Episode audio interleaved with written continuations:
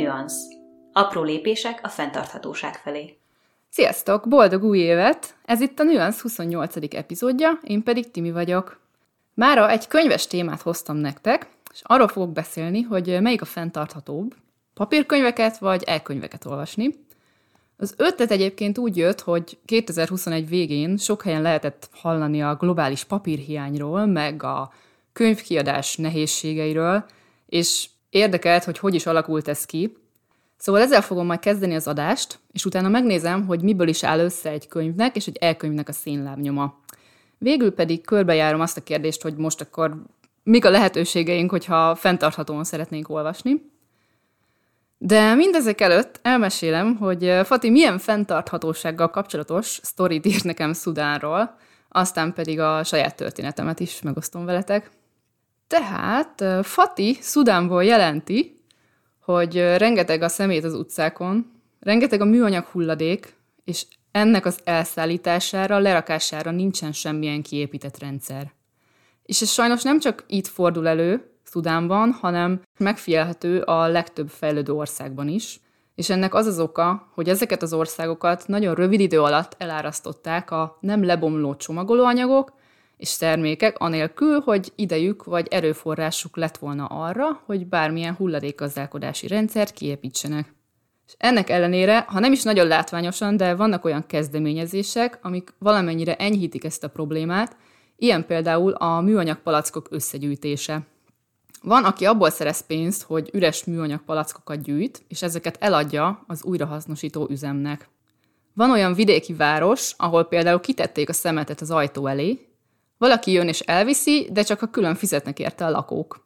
És akinek persze erre nincsen pénze, vagy nem érdekli, az csak az utcára rakja az otthon zacskóban összegyűjtött szemetet, és a szél meg össze-vissza fújja. Aztán egy ide után, ha már sok összegyűlt, akkor néha összekotorják az emberek és meggyújtják. Vannak ilyen hatalmas, be nem épített területek, ahova elviszik elégetni.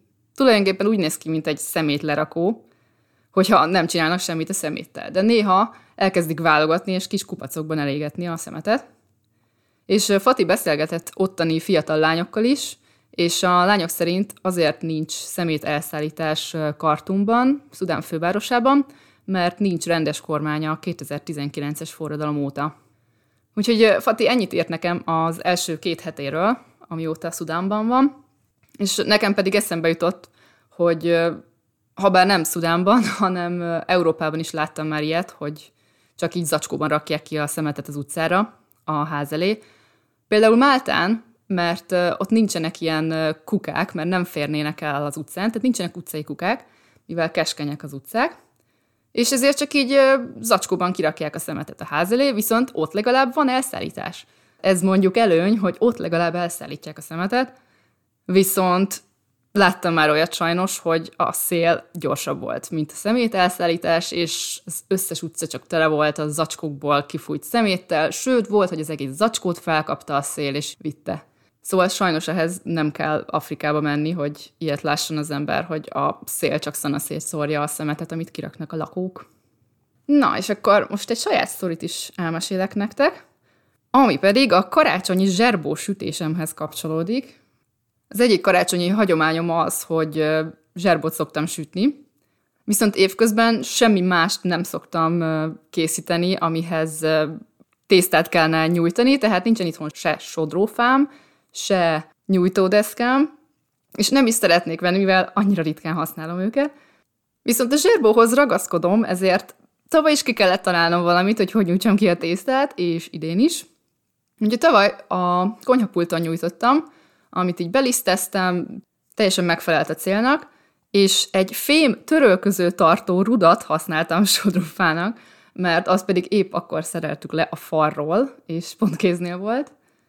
Egyébként működött, tehát abszolút működött ez a törölköző tartó rudas módszer. Iden pedig gondoltam, hogy valami újat próbálok ki, úgyhogy egy üres, olívaolajos üveget használtam sodrófa helyett. Egyébként jobb volt, mint a törölköző tartó rúd, be kell vallanom, és csodálatos lett a tésztám, csodálatos lett a zserbom, úgyhogy még véletlenül sem csábultam el, hogy sodrófát vagy nyújtódeszket kelljen vennem. ki tudja, jövőre nem tudom még, hogy mivel fogok zsebot nyújtani, de biztos akkor is ki fogok találni valami remek módszert. Na, és akkor át is térek a mai témánkra. Először a könyvhiányról fogok beszélni. A könyvgyártásnak manapság megvannak a saját problémái. Egyre bonyolultabb és egyre drágább feladat könyvet gyártani, mert nincs elég papír, nincs elég festék, nincs elég papírgyár, nyomda, és nincs elég munkaerőse. Tehát manapság a kiadóknak és a nyomdacégeknek többet kell fizetniük a papírért, a festékért, a nyomdáknak is többet kell fizetniük, hogy kinyomtassák a könyvet, és a személyzetnek is többet kell fizetni. Szóval maga ez a könyvhiány kifejezés, ez sok-sok tényezőre vezethető vissza, és ebből az egyik ugye a papírhiány. Hát miért van papírhiány? Azért, mert fahiány van. Hm, meglepő módon.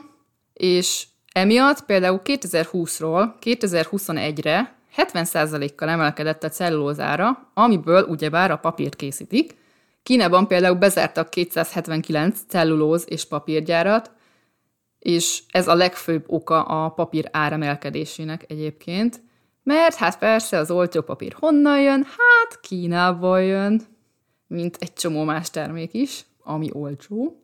És a papírhiányon az se segített persze, hogy nagy műanyag ellenesség van, ugyebár, tehát a papír termékek iránt megnőtt a kereslet, és így drágább lett minden, ami papír. Például a csomagolóanyagok, amikben az online vásárlásokat házhoz kapjuk, és mivel egyre többet vásárolunk online, főleg így a Covid alatt, ezért egyre csak nő és nő és nő a papír iránti kereslet.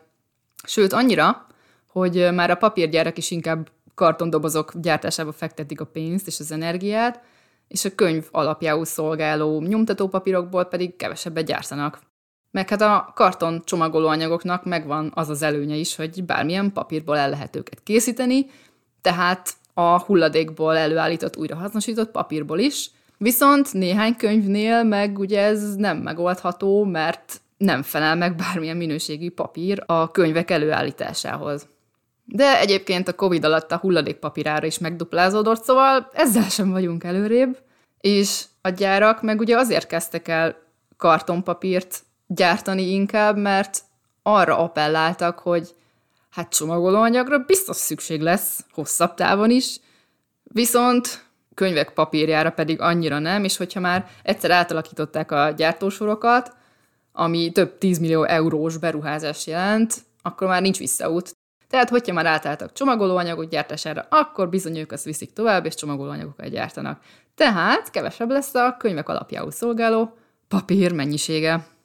Aztán persze ott van még egy probléma a kereskedelemben, hogy az áruszállítás elég nehézkes manapság, mivel az elosztóhálózatok leterheltek, az ellátási láncban fennakadások történnek, és ugye ott vannak még a természeti katasztrófák, amihez alkalmazkodnia kell az áruszállításnak. Tehát, hogyha leomlik egy híd, vagy egy hegyoldal, akkor hups, hát arra már nem mehet a teherautó, óriásit kell kerülnie, még drágább, még több időbe telik, nem ér oda a könyv a kiadóban, nem ér oda papír a nyomdába, stb. stb. A kereskedelemben máshol is lehetett ezeket a problémákat érzékelni. És ugye ott volt még például a, a beragadt konténerhajó a csatornában, az Ever Given, ami pedig a vízi közlekedés állította meg. Tehát a szállítási költség az óriási szinten megnőtt mindenhol a kereskedelemben, nem csak a könyv kiadás során, és például Ázsiából Európába egy konténert jelenleg tízszer annyiba kerül szállítani, mint a Covid előtt. Szóval manapság már már megéri Európában gyártani a papírt, mert lassan már nem drágább, mint a kínai. Következő pedig a kamionsofőr hiány. Tehát ugye a munkaerő hiány. Kamionsofőrökből is hiány van, ezért, mivel nincs, aki elvigye az árut a raktárakból, ezért többet áll a raktárban az áru, hamarabb betelnek a raktárak, és a tárolásra is egyre többet és többet kell fizetni. Aztán ott van még a földgáz árának emelkedése, ami pedig a papírgyáraknak nehéz, mivel a gázár emelkedése miatt egyre drágább a gyárak működése, és lehet, hogy emiatt még be kell zárniuk, mert nem tudják egyszerűen olyan áron eladni a papírt, hogy azt bárki megvegye tőlük. És még egy sajátos probléma, ami a magyar könyvhiányjal, papírhiányjal kapcsolatos, hogy a közép-európai régió az kifejezetten árérzékeny térség, és állandóan alkudni szoktak a papír árából is, de ma már ezt nem nagyon tudják megtenni, mert a gyártók, a papírgyártók találnak sokkal jövedelmezőbb régiókat is, tehát Magyarországra az átlagosnál is kevesebb papír érkezik be.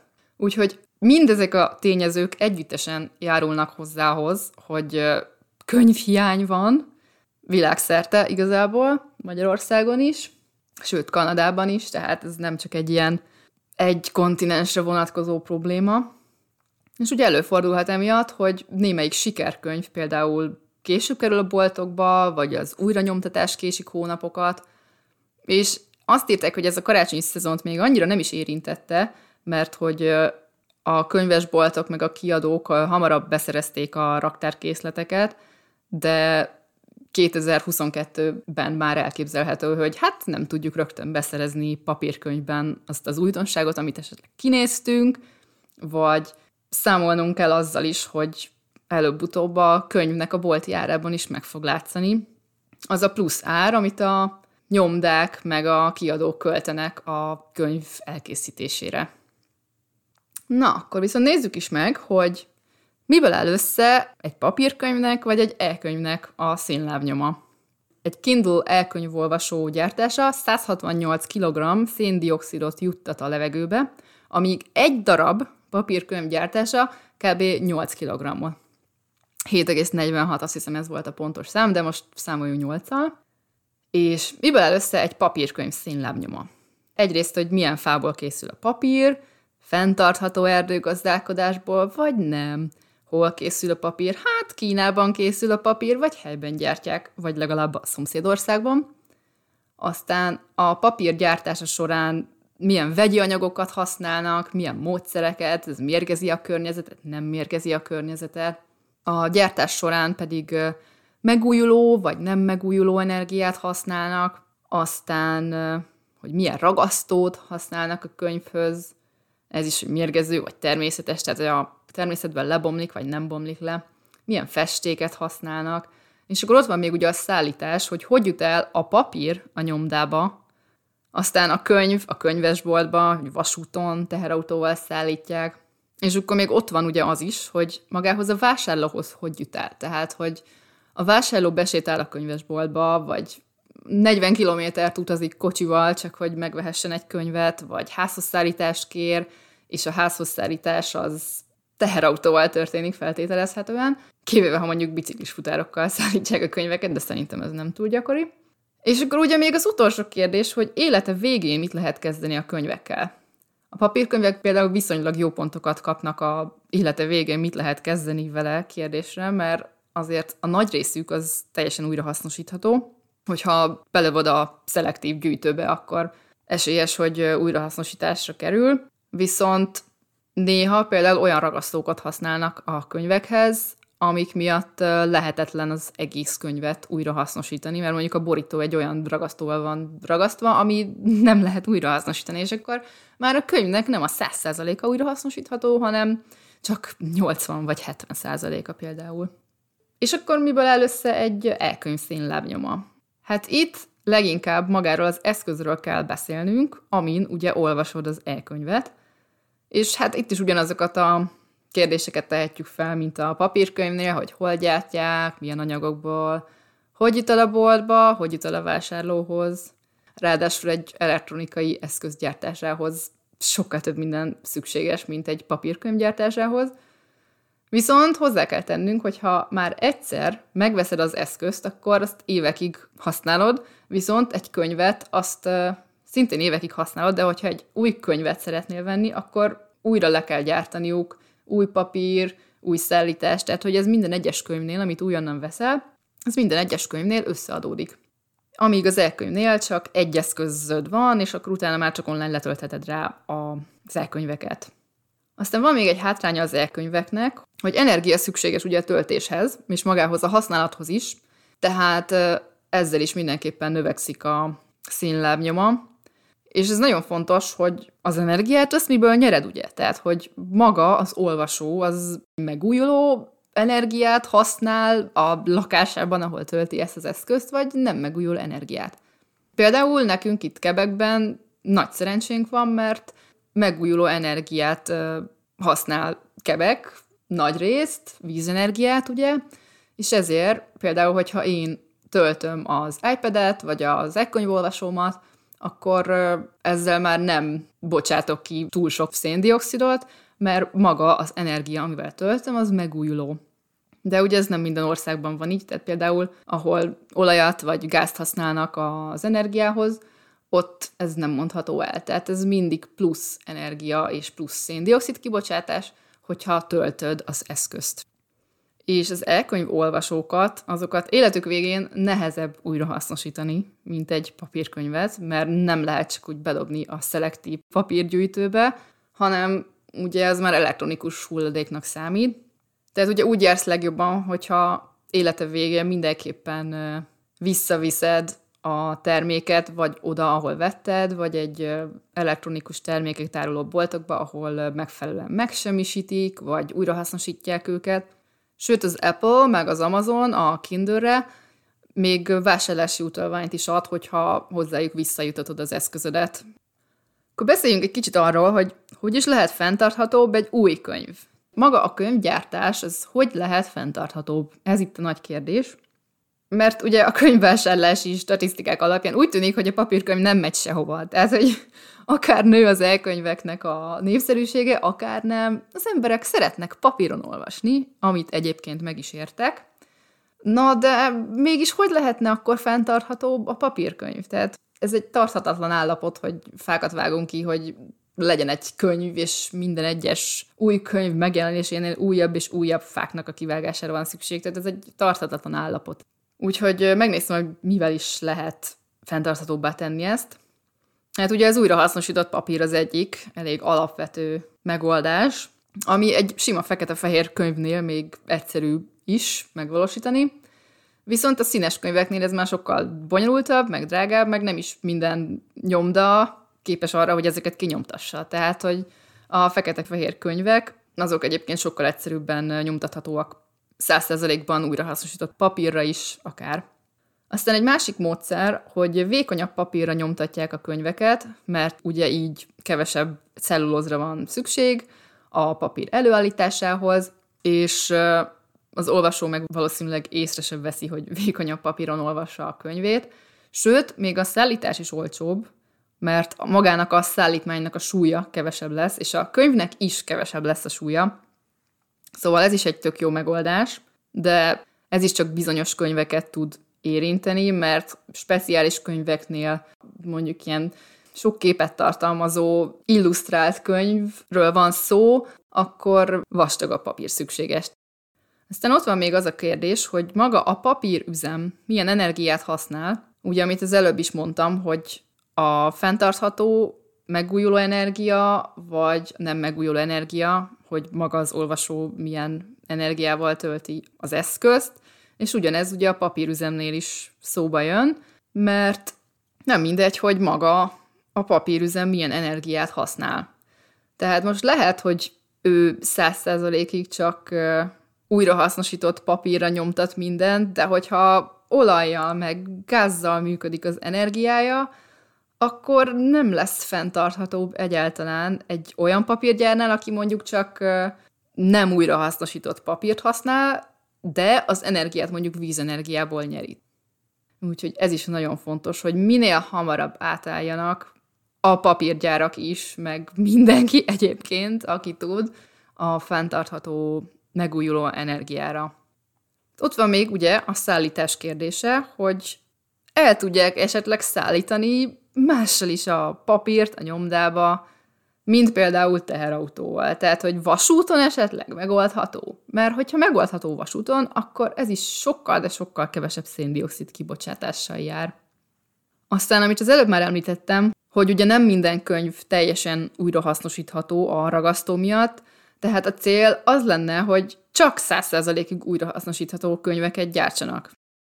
Az utolsó pedig ebben a részben, amit említek, az az FSC papírból készült könyvek. Ez ugye egy olyan embléma, ami azokon a termékeken szokott megjelenni, amelyiknek a fa alapanyaga felelős erdőgazdálkodásból származik, tehát hogy a papírhoz a fát felelős erdőgazdálkodásból nyerték, és az FSC 100% vagy FSC Recycled emblémákat meg lehet találni a könyveken, és hogyha újonnan szokott valaki könyvet vásárolni, akkor ezeket az emblémákat érdemes keresni, mert akkor legalább tudod, hogy fenntartható papírból készült a könyv. Sőt, hogyha recycled embléma van rajta, akkor még azt is tudod, hogy újrahasznosított papírból készült a könyv. Tehát, hogyha szeretsz új könyveket vásárolni, akkor azt javaslom, hogy ezeket a logókat mindig nézd. Tehát összefoglalva, a tökéletes megoldás az lenne, hogyha a papír is újrahasznosított lenne, 100%-ban, az energiaellátás is megújuló lenne, és a szállítás sem terhelni a környezetet. Úgyhogy az új könyvekkel kapcsolatban e felé kéne haladnia a világnak. A következő részben pedig összegyűjtöttem pár dolgot arról, hogy milyen előnyei vannak az elkönyveknek, milyen hátrányai, összehasonlítva a papírkönyvekkel, hogy jönnek ki. És az első ilyen, az az, hogy a könyv, elkönyvnek az előnye ugye az, hogy magán a könyvolvasón egyszerre több könyvet is tárolhatsz, tehát hogy nem foglal egy csomó helyet a könyvespolcodon, az otthonodban, hogyha utazol, akkor nem kell egyszerre hat kötetet beraknod a táskedbe, hogyha mondjuk csak ott van egy Kindle könyvolvasod, és hogyha szeretsz egyszerre több könyvet olvasni, akkor ez tök hasznos. Aztán ugye az elkönyvek azok végtelenszer másolhatóak, tehát hogyha egyszer már legyártották őket, akkor onnantól kezdve nagyon könnyű eljutatni őket a vásárlókhoz, és nem az van, ha minden egyes alkalommal ki kell nyomtatni őket, és fizikai terméked van, amit utána megint csak tárolni kell, csomagolni kell, el kell szállítani, le kell gyártani, stb. stb. És ugye nem kerül magának az e-könyvnek a szállítása se plusz energiába, se plusz költségbe emiatt, nem kell plusz fákat kivágni az előállításukhoz, nem kell hozzá festék, se ragasztó, ja, és nem kell külön lámpafény az olvasásához, ami ugye egy könyvhöz kell. Sőt, némelyik könyvnél még a súlyuk is könnyebb az e-könyv olvasóknak, és így magának az olvasónak a szállítása és tárolása is kevesebb energiával jár, mint egy-egy papírkönyvnek a szállítása vagy tárolása. És mivel ugye az e-könyvnek magának, fájlnak, amit letöltesz, annak nincs plusz energiája a szállítással vagy tárolással, tehát itt igazából az eszközről beszélek, hogy még az eszközök is olyan könyvek tudnak lenni, hogy a papírkönyveknél sokkal több energiával jár a szállítás meg a tárolás. De ugye hátránya is vannak az elkönyveknek, ugye maga a könyvolvasó, ami szükséges hozzá, sőt a szerverek is fogyasztanak energiát, amiken az elkönyveket tárolják, és ugye az elkönyv olvasók rövidebb életűek, mint mondjuk a papírkönyvek. Hát bizony egyszer így nem lehet többet megjavítani, és akkor hm, mit lehet csinálni? Hát csak elektronikus hulladékként újra hasznosítani valamennyire, mennyire lehet. Viszont, hogyha egy papírkönyv egyszer le van gyártva, akkor az nagyon-nagyon sokáig képes megtartani az eredeti formáját, funkcióját, persze, ha nem egy dohos pincében tárolod le, ha nem rakod ki az udvarra, hogy az eső elmossa az egészet. És akkor ugye felmerül a kérdés, hogy na, és akkor mi a legfenntarthatóbb módja az olvasásnak? Kitaláltam négy karaktert, hogy szemléltessem néhány típusát az olvasóközönségnek, hogy ki milyen fenntartható az olvasási szokásaitól függően. Az első fiktív szereplőm az Gizi néni, aki egy vidéki városkában lakik, nincs otthon elkönyvolvasója, se tabletje, de havonta egyszer elbattyog a helyi könyvtárba, és kivesz pár könyvet. Olykor-olykor, mivel a patikába menet úgyis útba esik neki a könyvesbolt, előfordul, hogy vesz egy-két könyvet, de szigorúan csak akkor, hogyha akciós. És csak évente egyszer-kétszer fordul elő vele az efféle impulzusvásárlás. Meg hát a Monikától úgyis mindig kap kölcsönkönyveket, amiket a lánya vásárol neki az osztrák fizetéséből. Mennyire fenntarthatóak tehát Gizinéni olvasási szokásai? Hát bizony, Gizinéni nagyon fenntartható, mert főként könyvtári könyveket olvas, sőt, néha még kölcsön is kap pár darabot, és csak nagyon-nagyon ritkán vásárol újonnan. Szóval Gizinéni a fenntartható könyvolvasásnak az egyik mintapéldánya. A második szereplőnk pedig Botond, akinek nem az olvasás az első számú hobbija, neki a sport az élete. Az olvasáshoz általában se kedve, se ideje, évente egyszer vagy kétszer fordul csak elő vele, hogy a barátai ajánlnak neki valami jó kis skifit, vagy krimit, de persze ezt is csak akkor olvassa el, ha film is készül belőle. Ilyenkor mindig beadja a derekát, és az első szembejövő könyvesboltban megveszi a könyvet, amit utána persze hónapokig olvas, és lehet, hogy sohasem ér a végére. és ezeket a könyveket utána általában átpasszolja a lakótársainak, akik általában jobban érdeklődnek a könyvek iránt, mint ő maga.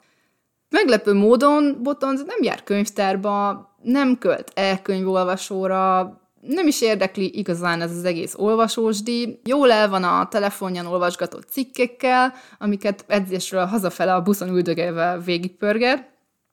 És Botond is egyébként egy teljesen fenntartható könyvolvasó, mert hát nem nagyon olvas. Hát így nem bonyolult fenntarthatónak lenni, hogyha valaki nem is olvas.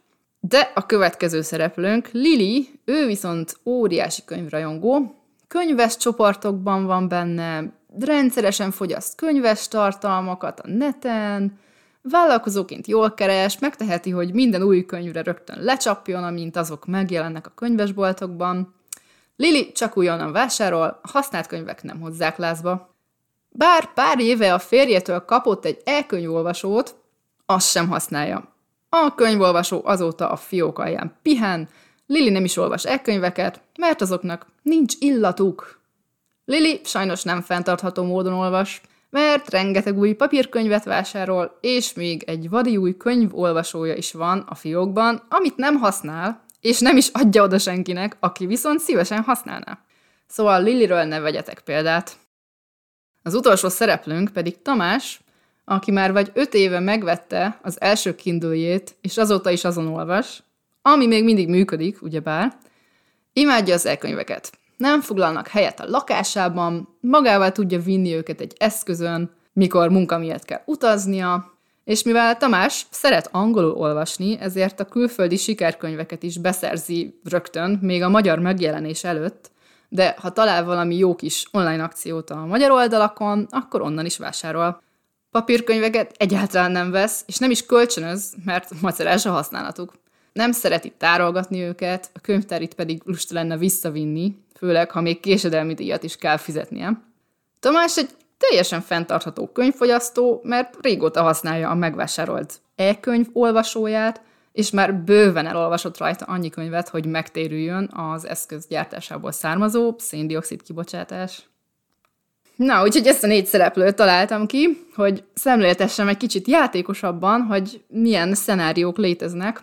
Persze ez nem reprezentálja az összes olvasó típus, csak így négyet gondoltam hozni.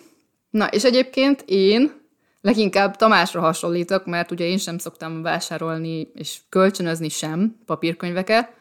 2021-ben egyetlen papírkönyvet sem vásároltam, sőt, szerintem e-könyvet is csak egyet vagy kettőt, mert mikor ugye megtaláltam a helyi könyvtárnak ezt a, az ingyenes e-könyv kölcsönzőjét, azóta csak ott olvasok, illetve volt kb. kettő vagy három papírkönyv, ami már volt itthon még régebb óta, és azokat újraolvastam, de utána oda ajándékoztam őket a barátnőmnek, de új papírkönyveket nem vettem egyáltalán.